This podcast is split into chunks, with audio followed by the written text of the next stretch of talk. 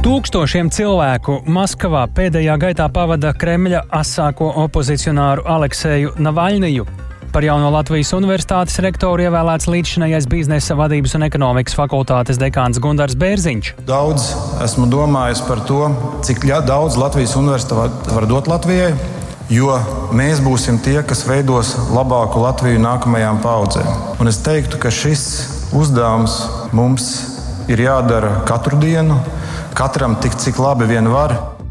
Rīgas domas amatpersona Jānis Vaivots iespējams piedāvājis vismaz 50 tūkstošu eiro lielu kukuli. Par to visu plašāk raidījumā pēcpusdienā kopā ar mani Tāli Eipuru.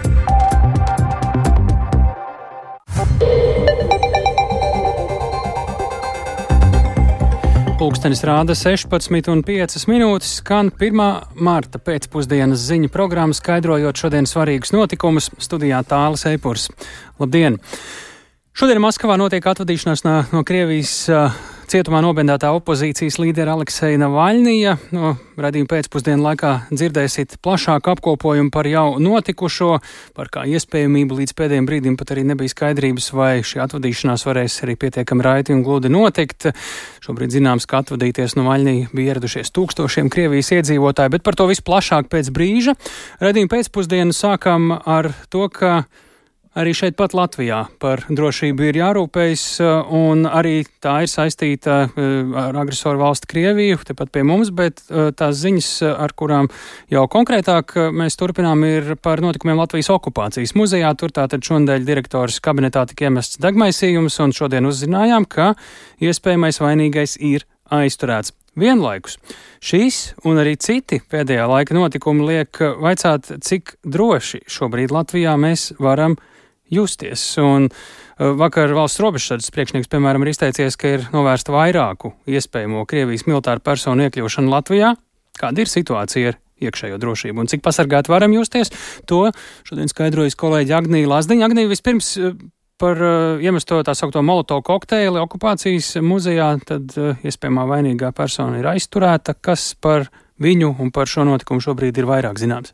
Labdien! Ir zināms, ka par notikušo ir sākts krimināla process, pamatojoties uz krimināla likuma 185. pantu otro daļu, kas paredz brīvības atņemšanu uz laiku līdz desmit gadiem. Tāpat noskaidrots, ka uzbrucējs bija veicis sagatavošanās priekšdarbus, tostarp, lai izvairītos no ātras aizturēšanas. Un par notikumu intervijā Latvijas televīzijā gan iekšlietu ministrs Rihards Kozlovskis no jaunās vienotības, gan arī premjera Evika Siliņa no jaunās vienotības ir pauduši nevien pateicības valsts drošības dienestam un valsts policijai par profesionālu un ātru darbu aizturot šo personu, bet arī uzsvēruši, ka noziedzīgais nodarījums ir jāvērtē saistībā ar hibrīd kara apstākļiem, kuros pašlaik dzīvojam.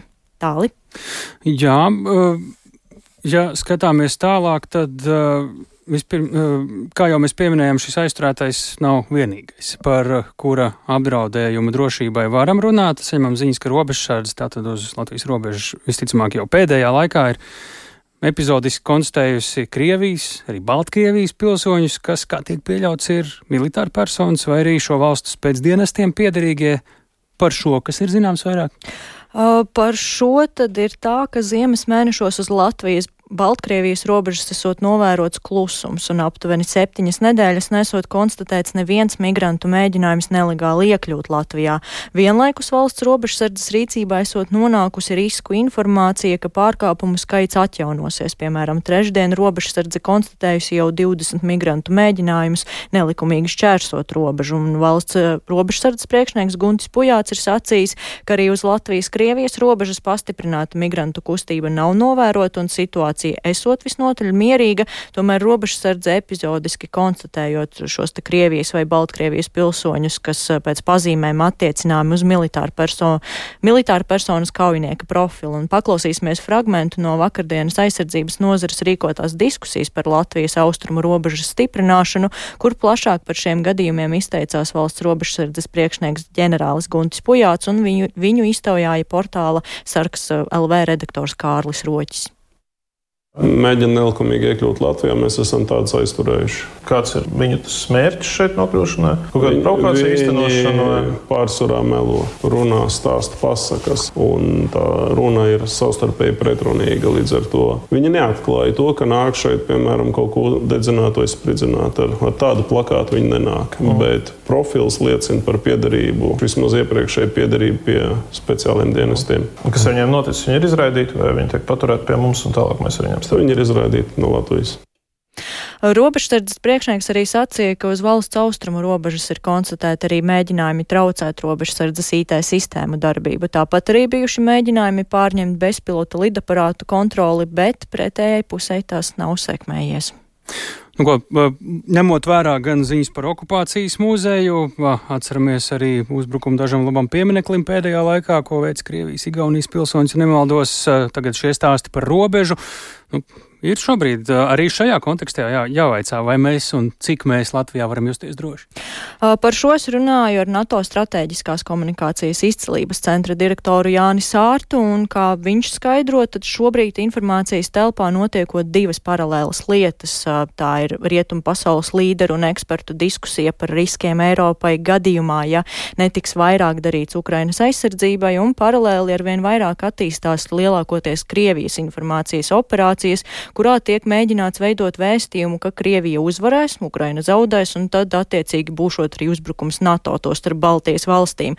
Un tāpat arī paralēli ziņās var dzirdēt un redzēt dažādas sabotāžas no tieši vai netieši ar Krieviju saistītiem cilvēkiem ar mērķi kurināt neskaidrību, bailes un bažas par drošību. Un paklausīsimies, ko viņš sacīja. Protams, ir skaidrs, ka pasaule nekļūst drošāk, ir dažādi riski, viņi nākotnē pieaugs, tas ir jāapzinās. Bet šobrīd panikai nav nekāda pamata, pilnīgi nekāda. Tas viss ir darīts ar nolūku, lai, nu, radītu šo te emocionālo, nu, teiksim, fonu un stāvokli. Vienlaicīgi, nu, vismaz, kā mēs redzam šobrīd, kamēr notiek karš Ukrainā un NATO ir stiprs, nu, militāru draudu, nu, protams, Krievija nespēja realizēt. Līdz ar to es aicinātu cilvēkus tiešām nepaļauties uz šiem te Krievijas darbību, nebaidīties un nesākt apšaubīt to, ka nu, mums ir savi drošības risinājumi. Tāpat Sārts norāda, ka atsevišķie gadījumi liecina, ka tās ir vairāk kā provokācijas, piemēram, simbolu iznīcināšana, tādējādi balansējot uz noteiktas robežas, taču mūsu, mūsu drošības dienesti ir gatavi dažādām situācijām. Un uh, par Latvijas iekšējo drošību sarunājos arī ar iekšlietu ministru Rihardu Kozlovski, un lūk, ko par to pirms raidījuma viņš sacīja. Vai Latvijā mēs varam justies droši? Es domāju, ka mēs varam justies droši, bet uh, skaidrs, ka jāsaprot, ka mēs dzīvojam hibrīda kara apstākļos. Tas ir acīm redzami, ņemot vērā šo karu Ukrainā, kas jau turpinās jau šos uh, divus gadus un uh, reāli arī mūsu konstantu atbalstu Ukrainai. Tās kā mēs, es uzskatu, viena no vadošajiem arī esam sankciju gan dažādu lēmumu pieņemšanā, kas pilnīgi noteikti Krievijā tiek ļoti sāpīgi uztverts. Nu, ļoti būtiski, ka mēs spējam tomēr cīnīties ar šo fenomenu un arī okupācijas muzejā tomēr faktiski persona tika izskaitļot 24 stundu laikā un pēc tam arī aizturēt. Tā kā tas norāda arī, ka mēs spējam ar tādām lietām cīnīties, bet nu, pateikt, ka mēs varam atslābt pilnīgi noteikti nē, un es uzskatu, ka arī turpinoties šai situācijai, Krievijas dienestis, speci dienestis un Krievija kopumā meklēs dažādas veidus, kā ievainot mūsu drošību, nacionālo drošību, mēģinot destabilizēt, arī skaidrs izmantojot, eh, zinām, sabiedrības polarizāciju. Tā ir realitāte, kurā mēs dzīvojam. Vai šādā veidā, piemēram, okupācijas muzeja gadījumā, arī tiek pārbaudīts, cik ātri un kā mūsu drošības dienesti spēja reaģēt? Es domāju, pilnīgi noteikti. Skaidrs, ka pašlaik mēs spējam ar to cīnīties, bet pilnīgi noteikti tiek vērtēts, nu, vai mēs esam spējīgi, nu, cik mēs esam spējīgi rēģēt un attiecīgi efektīvi rīkoties. Šajā gadījumā es arī izmantojot izdevību gribētu uzsvērt, ka ļoti būtiski ir arī mums investēt iekšējā drošībā, jo šie izaicinājumi jau ir mūsu ikdiena faktiski, un mums ir ļoti būtiski, lai mums gan būtu motivēts personāls, gan arī, protams, atbilstoši aprīkojums, lai mēs varētu spēt arī turpmāk ar tādu fenomenu cīnīties. Vai mūsu drošības dienesti strādā pietiekami ātri un kvalitatīvi? Jā, pilnīgi noteikti, un tas to arī apliecina, un otrs, ka, nu, uzsvaru, ka šādiem te incidentiem mēs ļoti nopietni attiecamies, un, protams, ka darām visu, lai pēc iespējas ātrāk viņus atrisināt. Tas nav tā, ka tas ir ikdienišs notikums. Neskatoties to, ka pašlaik es nevaru apgalvot to, ka persona, kas uzbruka okupācijas muzejam, ir tieši rīkojusies uh, dienestu interesēs Krievijas, piemēram, pēcdienas, bet tas tiks vērtēts pilnīgi noteikti jau izmeklēšanas gaitā. Vai Latvijā ir iespējami lielāki vai nopietnāki apdraudējumi, piemēram, uzbrukums vietā, kur ir daudz cilvēku? Man ļoti gribētos atturēt no tādas sabiedrības iebiedēšanas. Pilnīgi noteikti neizmantot tādu savā ziņā retoriku, bet, uh, ko es arī sākumā teicu, nu, mums ir jāapzinās tas, ka mēs esam zināms mērķis Krievijas federācijai, ņemot vērā to, kurā pusē mēs esam, un arī kopumā mūsu nostāja tādēļ šie riski pastāv. Jāsaprot, ka mēs dzīvojam pavisam citā laikā. Tas, ka, protams, mums gan mūsu NATO aizsardzība, gan Eiropas Savienība dod tādu zinām drošības garantu, ka mēs varam dzīvot ikdienā un risināt savas ikdienas lietas, kaut gan te pateiz robežas mums ir reāls karš.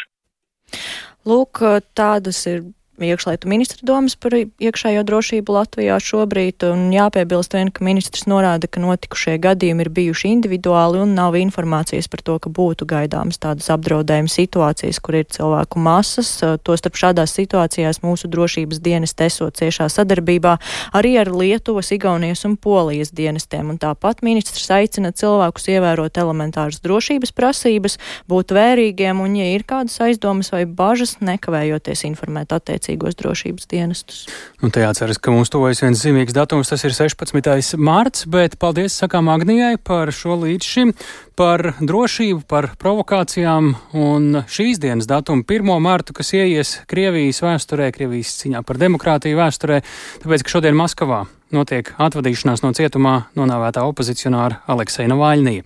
Nu, viņa atvadīties gan pie dievnama, gan pie kapsētas. Šodien bija un ir ieradušies tūkstošiem cilvēku, arī drošības pasākumi galvaspilsētā, gan ceremonijas, eh, gan bērnu norises vietā ir lieli, plašāk par notikušo. Un vēl iespējams notiekošo Maskavā ir gatavs stāstīt Rihards Plūme. Eh, Rihards, sāksim ar to, kāda tad bija situācija pirms šī notikuma. Tur līdz pēdējiem brīdim daudziem nebija skaidrs, kā un vai tas tiešām šī bērs un ceremonija un izvadīšana un apglabāšana varēs eh, pienācīgi ritēt. Jā, nu, tiešām jāsāk ar to, ka sākās jau viss ar to, ka nebija skaidrs, vai vispār Navaļnī mirstīgās atliekas varēs dabūt. Pēc tam jau uh, bija tālāks viss, viss sarežģījumi ar to, kur tad norīkot, uh, kur tad rīkot visu šo atvadu ceremoniju un pašu arī Navaļnī apglabāšanu. Arī tas negāja viegli, un pat tad, kad uh, šī norises vieta viss tika atrasta, tad vēl joprojām bija mēģinājumi to kaut kādā veidā izjaukt bet nu, vērs šī atvadīšanās ir notikusi. Un, jā, nu, drošības pasākumi jau bija manāmi jau ceturtdien, proti vakar, un arī šorīt no rīta Maskavā lieli drošības spēki, tā saucamie autozaki, ļoti liels skaits arī drošības struktūra pārstāvi gan pie baznīcas, gan arī pie kapsētas. Un cilvēku bija tiešām ļoti daudz. Nu, tiek lēsts, ka tie ir vairāk tūkstoši, bet nu, precīzu skaitu, protams, pateikt nu, ir diezgan, diezgan grūti. Daudz cilvēku ar ziediem rokās jau gāja un sagaidīja tātad pie baznīcas, kur plānota bija šī atvadīšanās ceremonija, sagaidīja Navaļnī mirstīgās atliekas to ierašanos tur. Un, lai atvadītos no viņa, ieradās tur arī Krievijas no opozīcijas līdera atvadīties, ieradās arī ASV, Francijas un Vācijas vēstnieki, arī vairāk citi diplomātiskie pārstāvi. Klātsoši bija arī bijušais Jekaterinburgas pārstāvis Evgenijs Roizmans, arī Boris Nadeždins, Jekaterina Duncova, kam Krievijas varas iestādes arī savukārt ir liegušas kandidēt tādā vētajās prezidenta vēlēšanās. Un daudzi sagaidīja šo te Navaļnija mirstīgo atlieku ierašanos tur tādā. Jāsaka, diezgan mierīgā atmosfērā, neskatoties uz to, ka tur bija daudz drošības struktūra pārstāvju un tur nekāda incidentu nebija. Bet paklausīsimies vēl, ko pirms ceremonijas teica dažas no sievietēm, kas bija atnākušas atvadīties no Navaļnija. Tā ir vienkārši atvadīšanās no gaiša cilvēka. Par ko man baidīties? Jūtu sāpes. Gaišs, skaists, gudrs puisis. Kad to uzzināju, bija bezcerības sajūta, kaut kāda traģēdija. Un es tagad neredzu kaut kādu gaismu, lai gan es saprotu, ka Aleksējs mums lika nepadoties, tātad mēs joprojām nedrīkstam padoties. Lūk, atnācu, atnesu sveces un izdalu tās, jo svece, svece ir gaisma.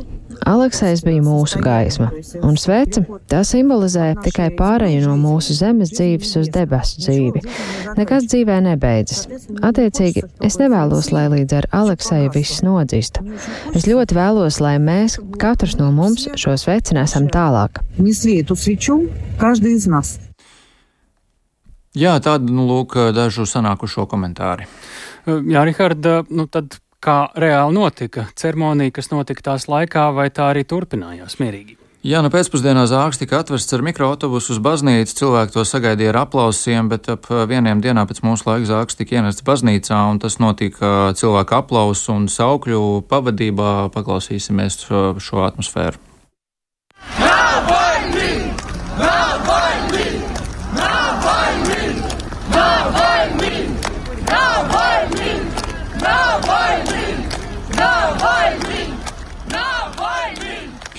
Jā, un vēl pirms ceremonijas Navaļnī līdzgaitniece Marija Pevčiha uzsvēra, ka Putinam nav izdevies panākt mērķi ar Navaļnī nogalināšanu apslāpēt cilvēku algas pēc brīvas Krievijas. Paklausīsimies viņas teikto. Владимир Путин убил Алексея Навального. Нам всем еще предстоит узнать подробности того, как это произошло. Vladimirs Putins nogalināja Alekseju Navaļniju. Mums vēl jāuzzina sīkumos, kā tas notika, kas un kā to izpildīja, bet tas nekad nemainīs to, ka Putins viņu nogalināja. Putina plāns bija tāds, ka viņš nogalinās Alekseju un problēma pazudīs līdz ar viņu, bet viņš ļoti pārēķinājās. Jau tagad pēc divām nedēļām redzams, cik ļoti cilvēki nav gatavi no Navaļnija atvadīties, cik ļoti viņi nav gatavi aizmirst aizmirst par viņu un cik liels skaits cilvēku ir uzņēmušies Alekseju atcerēties, glabāt viņa piemiņu un uzņemties turpināt viņa iesākto. Ja, nu, ceremonija gan bija īsa baznīcā, un sanākušie nevarēja tajā iet un atvadīties no Navaļnija, un pēc tam jau drīz vien Navaļnijas tika vests uz Borisovas kapsētu, un viss lielais pūlis pirms izbraukšanas no baznīcas atkal skandēja Navaļnijas, un Pēc tam jau sekoja automašīnai tālāk uz kapsētu pūles. Jau bija vienā vietā pie ceremonija norises vietas tik liels, ka no, nožogojums arī tika apgāsts pūlim pēc iespējas ātrāk cenšoties steigties līdzi mikroautobusam, lai ātrāk nonāktu līdz kapsētai. Pa ceļam uz kapsētu tika skandēts saukļinē karam, varoņi nemirst, Krievija būs brīva un cilvēki lielā pūlī devās dažādos ceļos uz šo kapsētu. Esot provokatori pūļu vidū arī bijuši, kas civilajās drēbēs tomēr esot redzams, ka bijuši drošības struktūra pārstāvji, mudinājuši cilvēkus doties uz Kremli, tālāk attīstīt kaut kādu vēršanos pret režīmu. Par ko relatīvi vardarbīgu, respektīvi. Ja izprovocēt vardarbību, lai saprastu, kuri tad ir tie, kuri varbūt ir tie aktīvākie Navaļnī atbalstītāji, bet, nu, provokācijas acīm redzot nav izdevušās. Arī pie kapiem bija izvietoti žogi un pieejas kapos savukārt metāla detektori. Un pirmie ieradās kapsētā, protams, Navaļnī mirstīgās atliekas viņa ģimenes locekļi, tad arī notika šī atvadīšanās no viņa. Zārka nolaižot arī skanēja mūzika no filmas Terminators 2, kas savukārt ir Navaļnī mīļākā filma.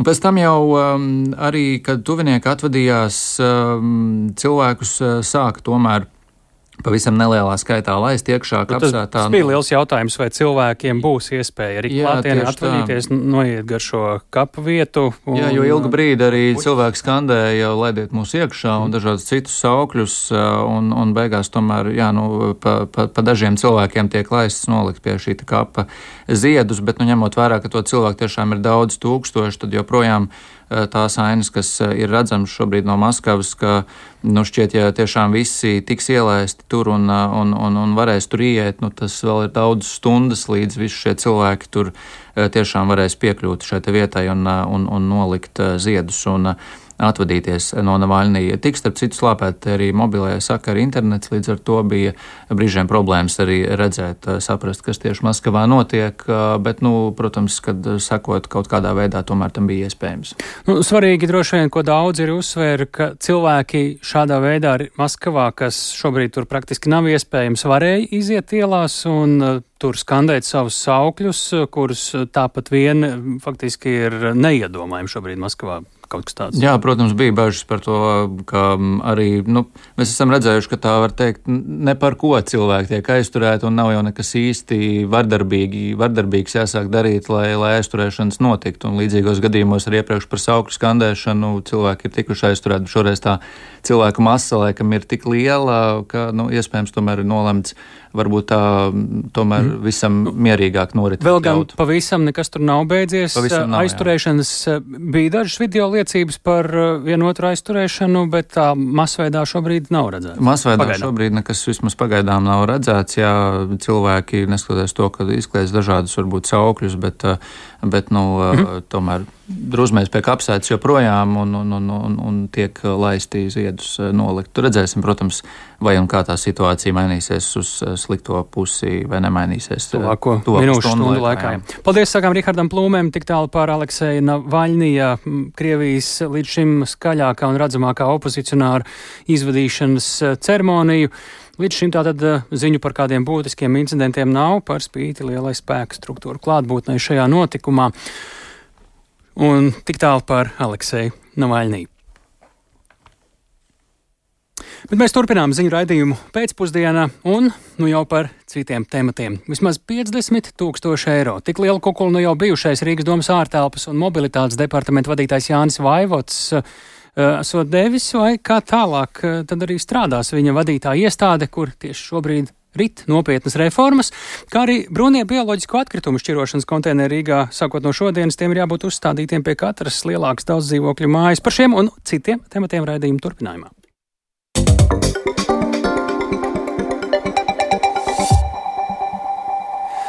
Par Latvijas Universitātes jauno rektoru šodien ievēlēts šīs pašas universitātes mācības spēks eh, profesors Gundars Bērziņš. Tiesa tikai otrajā kārtā, jo pirmajā vajadzīgo balsu skaitu neieguva ne Bērziņš, ne otra kandidāte Signe Bāliņa. Vēršamies šobrīd pie kolēģis Sandras Dieziņas. Sandra, atceramies, ka arī iepriekšējās vēlēšanas ritēja nu, tā kā ne bez aizķeršanās. Tagad gan izskatās, ka process ritējas mierīgāk un Latvijas universitātei ir jauns rektors. Kā ritēja process? Jā, tāli. Tātad rektora amatam šodien bija izvirzīti divi biznesa vidē labi zinām kandidāti. Latvijas Universitātes biznesa vadības un ekonomikas fakultātes profesori un rektora padomniece Signe Bāliņa un šīs pašas Universitātes biznesa vadības un ekonomikas fakultātes dekāns un profesors Gundars Bērziņš. Pirms satvērsmes sapulces daļa sanākušo pauda atbalstu Gundaram Bērziņam. Savukārt vairāk studenti man sacīja, ka atbalsta Signi Bāliņu, jo viņa esot atsaucīga un ļoti atvērta studiju procesā. Studentu ieskatā universitāte ir liela pārmaiņa priekšā, jo nākamie četri gadi iezīmē svarīgu universitātes pagrieziena punktu gan pārvaldības un finansējuma, gan pētniecības jomās. Tātad Gundars Bērziņš par rektoru tika ievēlēts ar 106 balsīm, bet pret bija 78 balsotāji. Bērziņš biznesa vadības un ekonomikas fakultātē sācis strādāt 2001. gadā kā dekāna palīgs starptautisko sakaru jautājumos. Vēlāk kļūst par lektoru, izpildirektoru un asociēto profesoru. Viņš iegūst doktora grādu vadības zinātnē un kā vadošais pētnieks piedalījies daudzos pētniecības projektos ir starptautisku zinātnisko publikāciju autors. Viņš ir arī Latvijas Zinātņu akadēmijas korespondētāja loceklis. Vienlaiks viņš ir arī valsts prezidenta ārštata padomnieks Latvijas konkurētspējas un ekonomikas jautājumos. Darbojies arī privātajā biznesā un bijis Olaina farma padomas priekšsēdētājs. Lūk, ko sacīja Bērziņš jau pēc ievēlēšanas. Daudz esmu domājis par to, cik daudz Latvijas universitāte var dot Latvijai, jo mēs būsim tie, kas veidos labāku Latviju nākamajām paudzēm. Un es teiktu, ka šis uzdevums mums ir jādara katru dienu, katram tik, cik labi vien var. Rektors ir tāpēc, lai palīdzētu atklāt savu labāko potenciālu šeit, universitātē. Gan studentiem, gan pētniekiem, pasniedzējiem, jo tikai maksimālā potenciāla izpausmē mēs varam sasniegt tos mērķus, kurus esam izvirzījuši. Paldies par atbalstu! Strādāsim kopā! Jā, tas bija jaunais rektors Gunārs Bērziņš. Savukārt pazīstamais uzņēmējs Normons Bergs, kurš abus kandidātus vērtēja kā cienījams, eh, jau pirms rektora vēlēšanām sociālajā vietnē X aicināja neizgāzt rektora vēlēšanas, jo, citēju, izgāztas vēlēšanas nemaz nav vajadzīgas jau tā iedragātajai Latvijas universitātes reputācijai. Jau pēc vēlēšanām viņš man pauda prieku par rezultātu Eh, citai izlīda caur adatas aci. Tā viņš vērtēja Gunāra Bērziņa saņemto balsu skaitu un sacīja, ka biznesa ir gatavs sadarboties ar universitāti. Savukārt pirms rektora vēlēšanām studentu padome pauda e, savu publisko atbalstu Signai Bāliņai. Lūk, kā vēlēšana rezultāts e, tagad vērtēja studentu padomas priekšsēdētājs Krišjāns Mārtiņš Alliks. Ticam, ka arī profesors Gunārs Bērziņš spēs, tā teikt, radīt šo Latvijas universitātes tālāku attīstību un arī strādāt pie mums svarīgiem jautājumiem, kā piemēram iekļaujuši vidas attīstību, studiju kvalitātes celšanu un kopumā studentu labklājības audēšanu. Prioritātes noteikti būtu studiju modernizācijas vienošanās, kā arī starptautisko studentu piesaisti Latvijas universitātē. Nu, noteikti arī konsolidācijas process no 13 fakultātēm uz 5 fakultātēm pāriet būs ļoti smags, grūts darbs, visu šo novest līdz galam. Jā, tas bija studentu padomas priekšsēdētājs Krišjāns Mārtiņš Alliks. Uh, savukārt uh, par savām prioritātēm jaunais rektors izvirzīs zinātnisko izcilību, studentu panākumus, sadarbību ar uzņēmējiem un valsti, skaidra pārvaldības modeļa ieviešanu, finanšu stabilitāti, kā arī Latvijas universitātes atpazīstamības veicināšanu. Paldies, sakām Sandrai Dieziņai, tātad Latvijas universitātei jauns rektors Gunars Bērziņš. Bet uh, turpinām raidījumu pēcpusdienu. Uh, pēcpusdiena, uh, tik tālu tas bija par jaunu amatpersonu amatā, bet nu par korupcijas skandālu, kur dēļ kāda amatpersona amatu nu jau ir zaudējusi. Vismaz 50 tūkstoši eiro tik lielu kukuli nu jau bijušais Rīgas domas ārtelpas un mobilitātes departamenta vadītājs Jānis Vaivots iespējams ir piedāvājis kādai valsts amatpersonai. To šodien Latvijas radio noskaidroja korupcijas novēršanas un apkarošanas birojā. Vaivoda iespējamais korupcijas skandāls gan nav traucējis veikt departamenta reorganizāciju. Šodien tam tiek eh, pievienota pašvaldības aģentūra Rīgas gaisma.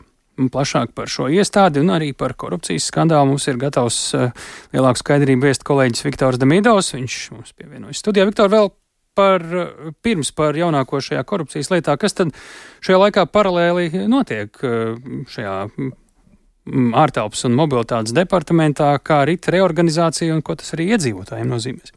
Labdien! Jā, šodien Rīgas doma ārtelpas un mobilitātes. Tā. Šodien Rīgas doma ārtelpas un mobilitātes departamentā ir spērus pirmo reorganizācijas soli un iestādē ir pievienota pašvaldības aģentūra Rīgas gaisma. Vispār reformai vajadzēja notikt jau pagājušā gada septembrī, taču pēdējā brīdī, 31. augustā, doma nolēma, ka reorganizācija tomēr notiks pakāpeniski divu gadu laikā. Tomēr toreiz eh, nomainīt vienu departamentu nosaukumu no satiksmes, tas pārtapa par ārtelpas un mobilitātes departamentu. Un satiksmes un transporta lietu komitejas vadītājs Olavs Pulks no jaunās vienotības šodien apliecina, ka pārmaiņas notiek veiksmīgi. Tajā pat laikā viņš teica, ka jebkuras um, reorganizācijas sākumā ir kādi sarežģījumi. Piemēram, kam, kamēr izveido budžetu, vai mm, pārslēdz darba līgumus, bet to visu, viņa prāt, ir iespējams pārvarēt. Kā tas ietekmēs iedzīvotājus? Stāst pulks. Viena darbības, kas bija diezgan saistīta līdz šim abām šīm institūcijām, varbūt šobrīd operatīvāk un ātrāk uh, risinās savā starpā nekā līdz šim. Tā kā es ļoti ceru, ka iedzīvotājiem eh, noteikti nekas pirmkārt nepaliks sliktāk, bet būs tikai labāk. Šie visi asfaltēšanas darbi, kas ir īpaši saistīti ar ietvēm, kas noteikti šovasar arī būs, nu, bieži vien ir šīs problēmas, ka varbūt tur šī apgaismas stabi, ko ar tiem darīt, eh, jo tos nevar tik vienkārši arī pārvietot jaunā vietā. Nu, šis varbūt arī risināsies operatīvāk un ātrāk. Reorganizācijai labus vārdus velta Rīgas apkaimja alianses vadītājs Māris Jansons, kurš tajā pat laikā uzdod jautājumu, kas departamentu vadīs. Vaivada vietā tagad to vada Rudīte Reveliņa, satiksmes organizācijas un projektu vadības pārvaldes vadītāja, kuru Jansons neuzskata par atbilstošu direktoru samatam.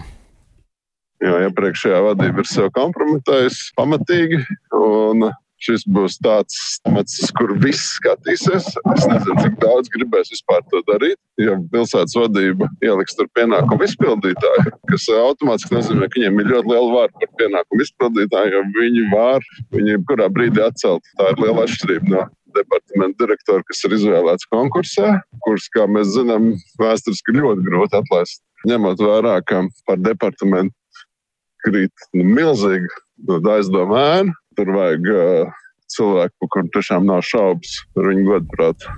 Un no domas es noskaidroju, ka par departamenta vadītāju plašāka informācija gaidāma jau pirmdien. Jā, bet ja par vaivodu runājot, tad Latvijas radio un arī Latvijas televīzija ir neoficiāla informācija, ka iespējamais korupcijas skandāls varētu būt saistīts ar lidostas zemju lietu, kas arī pavisam nesen eh, te, no tiesas procesiem izskanēja. Kas tev zināms par to plašāk? Jā, abu sabiedrisko mediju rīcībā neoficiālā informācija ir tāda, ka skandāls ir saistīts ar lidostas zemju lietu. Varētu būt saistīts, pareizāk sakot, un atgādināšu, ka pašvaldība saņēmusi ģenerāla prokurora iesniegumu par pretiesisku neapbūvētās zemes privatizāciju, teritoriju, kas nepieciešama lidostas attīstībai, un tāpēc Rīgas domai jālem par īpašumtiesību atjaunošanu un izsolēja pārdotajiem 20 22 zemes gabaliem. Doma pagājušā nedēļā par to lēma divas reizes, taču abas nesekmīgi nesavāca kvorumu. Bet no korupcijas novēršanas un apkarošanas biroja Latvijas radio noskaidroja jaunāko informāciju, ka vaivots kādai valsts amatpersonai iespējams piedāvājis vismaz 50 tūkstošus eiro. Nu, iesākumā knabi informēja, ka vaivots iespējams piedāvājis lielu kukuli, kas nozīmē 50 minimālās mēneša algas, jeb 35 tūkstošus eiro. Nu, tagad jau ir tie 50 tūkstoši vismaz figurē. Un eh, par Rīgas domu vīlies ir Baltijas. Baltijas korporatīvās pārvaldības institūta vadītājs Latvijā Andris Grafs tad iepriekš tie pārmetumi ir, ir bijuši diezgan lieli nu, saistībā ar pašu departamentu un departamenta kompetenci esošo finanšu resursu izmantošanu. Nu, līdz ar to nu, es to liktu tādā nu, lielākā bildē, vērtēt arī šo notikumu tādā kopskatā, lai izdarītu tos secinājumus. Tā kā pazīmes bija, nu, tas risks uh, bija, bet nu, tāda konkrēta rīcība, nu, lai mazinātu nu, šo risku, un no acīm redzot, nē. Un, ja tas ir identificēts un šī darbība turpinās, tad nu, to, ko praksa rāda, ka tāds risks var materializēties un nodarīt vēl lielāku kaitējumu pašvaldībai. Nu, pēc grafa teiktā izskatās, ka atbildība iespējams ir jāuzņemas Rīgas domai. Nu, taču ne Vilnis Čirsis, mērs Vilnis Čirsis, ne arī satī par satiksmu atbildīgais Olovs Pulks to netaisās darīt, jo KNAP norādīja, lieta nav saistīta ar ārtelpas mobilitātes departamentu. Sakām paldies Viktoram Demīdovam par aktualitātēm Rīgas pašvaldībā. Arī turpinām ļoti daudz iedzīvotāji ikdienā no šodienas ir vai drīz būs pārmaiņas, proti bioloģisko atkritumu šķirošanas konteineri Rīgā. Sākot no šodienas 1. mārta jau ir tiem jābūt uzstādītiem obligāti pie katras daudz dzīvokļu mājas, kurā ir vairāk nekā desmit dzīvokļi. Un līdz šim gan ar to ir veicies daļēji apmierinoši. Ir uzstādīta ap diviem tūkstošiem bioloģisko atkritumu konteineru, lai arī jāuzstāda ir vēl 5000. Tos pašvaldība apņems ieviest jau tuvākajos mēnešos. Vienlaikus iedzīvotājiem arī tiek atgādināts, ko drīkst un ko nedrīkst izmest brunajos bioloģisko atkritumu konteineros, un par to vairāk Jāņa Kīņš ierakstā. Pašvaldības saistošie noteikumi paredz, ka daudz dzīvokļu namu apsaimniekotājiem no šodienas ir pienākums nodrošināt bioloģisko atkritumu šķirošanu pie ēkām, kurās ir vairāk nekā desmit dzīvokļu. Realtātē šos konteinerus pie daudzām mājām Rīgā vēl tikai ieraudzīsim. Kāpēc plašāka informatīva kampaņa sākas tikai tagad, stāsta Rīgas domas mājokļu un vidas komitejas vadītājs Viesturs Zeps. Ar dažādu intensitāti mēs patiesībā esam mēģinājuši ieviest to eh, nu, saka, gan pagājušā gada, gan aizpagājušā gada un tam līdzīgi. Nu, un, eh, būsim jau eh, reāli, kaut kad ir no brīvprātības jāpāriet uz tādu lielāku stingrību. Patiesībā līdz 1. maijam mēs paredzam, ka mēs varēsim arī uzstādīt kopumā visus šos konteinerus. Līdz šim galvaspilsētā ir ap 2000 bioloģisko atkritumu konteineru gan pie privātmājām, gan daudzdzīvokļu ēkām. Jāievieš vēl ap 5000 dažādu izmēru konteineru, un vairums no tiem jau esot noliktavās. Bioloģisko atkritumu šķirošanu pašvaldība cer veicināt arī ar zemākām izmaksām iedzīvotājiem. Bioatkritumu apsaimniekošanas maksa šogad ir ap 60% zemāka par nešķirotos atzīves atkritumu apsaimniekošanas izmaksām. Esam izauguši par atkritumu šķirošanas līdzinājām tendencēm, optimistiski secina mājokļu atzina vidas departamenta vidas pārvaldes vadītāja Evija Meģe. Daļu bioloģisko atkritumu plānots ļaut kompostēt arī pie daudz dzīvokļu namiem. Šogad mēģināsim nākt pretī arī daudz dzīvokļu māju iedzīvotājiem un apsaimniekotājiem un dot iespēju no bioloģijas atkritumiem šo zaļo daļu, kas ir dārza parka atkritumi, arī uzsākt kompostēt savā teritorijā. Protams, ievērojot sanitārās prasības, normas, pārstrādāt arī uz vietas, kas patiesībā ir zaļāks un finansiāli daudz mazāk ietilpīgs pasākums. Pašvaldība apņēmusies atgādināt gan internetā, gan speciāli veidotos bukletos par to, ko drīkstēs un ko nedrīkstēs izmest bioloģisko atkritumu konteineros. Šķirojot atkritumus, tajos varēs izmest augļus, dārzeņus, to sērdes, mizas, kā arī riekstus, gaļas un zivju atkritumus, graudaugus un to izstrādājumus, olu čaumalas, kafijas un tējas biezumus bez maisiņiem, sieru un citus cietos piena produktus, maizes un miltu izstrādājumus, kā arī dārza atkritumus, augus un to saknes, nezāles, nopļautu zāli, koku lapas, zarus un nelielus krūmus. Bioloģisko atkritumu konteineros izmest nedrīkstēs tūjas, resnus zarus un celmus, ko nav iespējams pārstrādāt, plasmasas maisiņus un iepakojumus, puķu podus, papīru un plasmasas traukus, olu iepakojumus, kā arī mājdzīvnieku pakaišus un izkārnējumus, pelnus, ogles un izsmēķus, akmeņus, lauksaimniecības atlikumus, autimbiksītes un paketes. Protams, bioloģisko atkritumu šķirošana ir uzdevums, pie kā īpaši jāpiedomā ikvienā mājā. Tam vajadzīgs neliels konteiners ar vai bez maisiņa, ko raksturoja Siegetliņa eko vidas un attīstības pārvaldes vadītāja Līga Šmite. Pareizākā būtu bioloģiski degradējumie maisiņi, kuriem ir speciāli certifikāti, taču tur ir jārēķinās ar papildus izmaksām, un noteikti ne katrs no mums uz to būtu gatavs. Otra lieta ir papīra maisiņi, kurus arī mēs varam izmantot, taču tur jau uzreiz ir skaidrs, ka, ja ir mitrāks, lapjāks sastāvs, tad viņi nav derīgi. Un trešā lieta, protams, joprojām varam izmantot mums labi pazīstamos plasmasas maisiņus, kas noteikti nav tas pareizākais veids, taču šajā gadījumā nonākot līdz līdz eh, biokonteineriem, tas nozīmētu to, ka šis plasmasas maisiņš ir jāizkrīt ārā un jāieliek blakus zaļajā konteinerī, kas ir sadzīves atkrituma konteiners. Uzņēmumā Getliņa ekobioloģiskos atkritumus pārstrādās par elektrību un par gāzi, ko tālāk izmantos apkurināšanai siltumnīcās, kurās audzē gurķus un tomātus. Eiropas Savienības direktīva paredz līdz 2035. gadam liegumu poligonos aprakt vairāk kā 10% atkritumu. Bioloģisko atkritumu nošķiršana būs būtisks solis šī mērķa sasniegšanā, jo tie veido 30 līdz 40% no kopējā atkrituma apjoma. Jānis Kincis, Latvijas Radio. Tātad drīz ikvienam būtu jāzina, kur un kā mest eh, bioloģiskos atkritumus, bet tagad par cilvēkiem, kuri ļoti labi zina, kur mest hokeja ripu. Klāt ir Latvijas hokeja čempionāta izslēgšanas spēles, un ja regulārajā sezonā šis turnīrs nevar lepoties ar lielu skatītāju interesi, tad sākoties izslēgšanas spēlēm hokeja hāles ir pilnas ar skatītājiem, un kāpēc tad šogad cīņa par Latvijas hokeja čempionu titulu būs pēdējos gados uh, intriģējošākā. To mums gatavs pastāstīt kolēģis Lotārs Zariņš. Nu tad sākam ar to, kāpēc tad regulārā sezona izslēgšanas spēles uh, Latvijā, nu, tā ir realitāte, ir divi atšķirīgi turnīri faktiski. Jā, un izslēgšanas spēles ir kā izsalkums visā sezonas garumā tieši hokeistiem, jo, nu, tomēr kopējo bildi pabojā mazliet Lietuvas komandas, ar kurām nāks cīnīties, jeb drīzāk uh, iemest viņiem daudz vārdus un pārliecinošs uzvars izcīnīt. Un, nu, jā, nu, tā, praktiski arī tā, ka skatītāju tribīnēs tiek ieslēgta gaisma tieši izslēgšanas spēlēs, jo tas izslēgšanas spēļu hokejs un uh, pamaturnīrs ir divi atšķirīgi turnīri, un, uh, kā jau arī tu minēji, tad jā, skatītāji krietni palielinās trīnēs skatītāju skaits.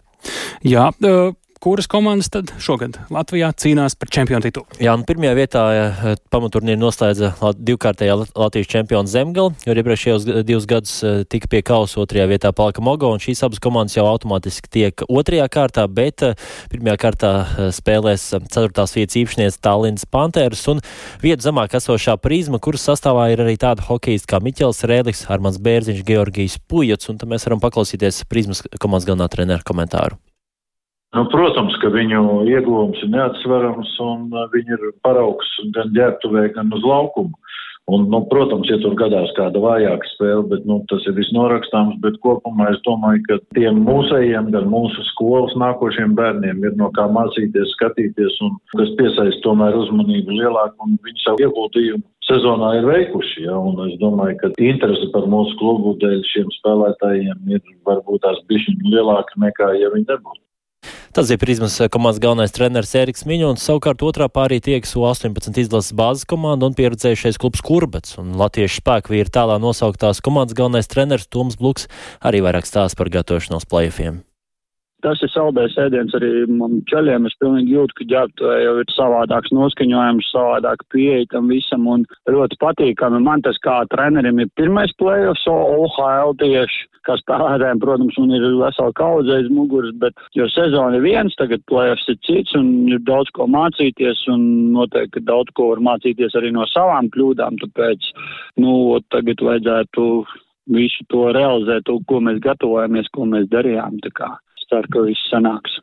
Tas bija Kurbata komandas galvenais treneris Toms Bluks un arī mazliet paprocēja hokeja skolas Rīga komandas galveno treneru Oļiku Sorokinu ar jautājumu, vai viņa trenētā komanda varētu aizķerties sērijā pret Kurbadu.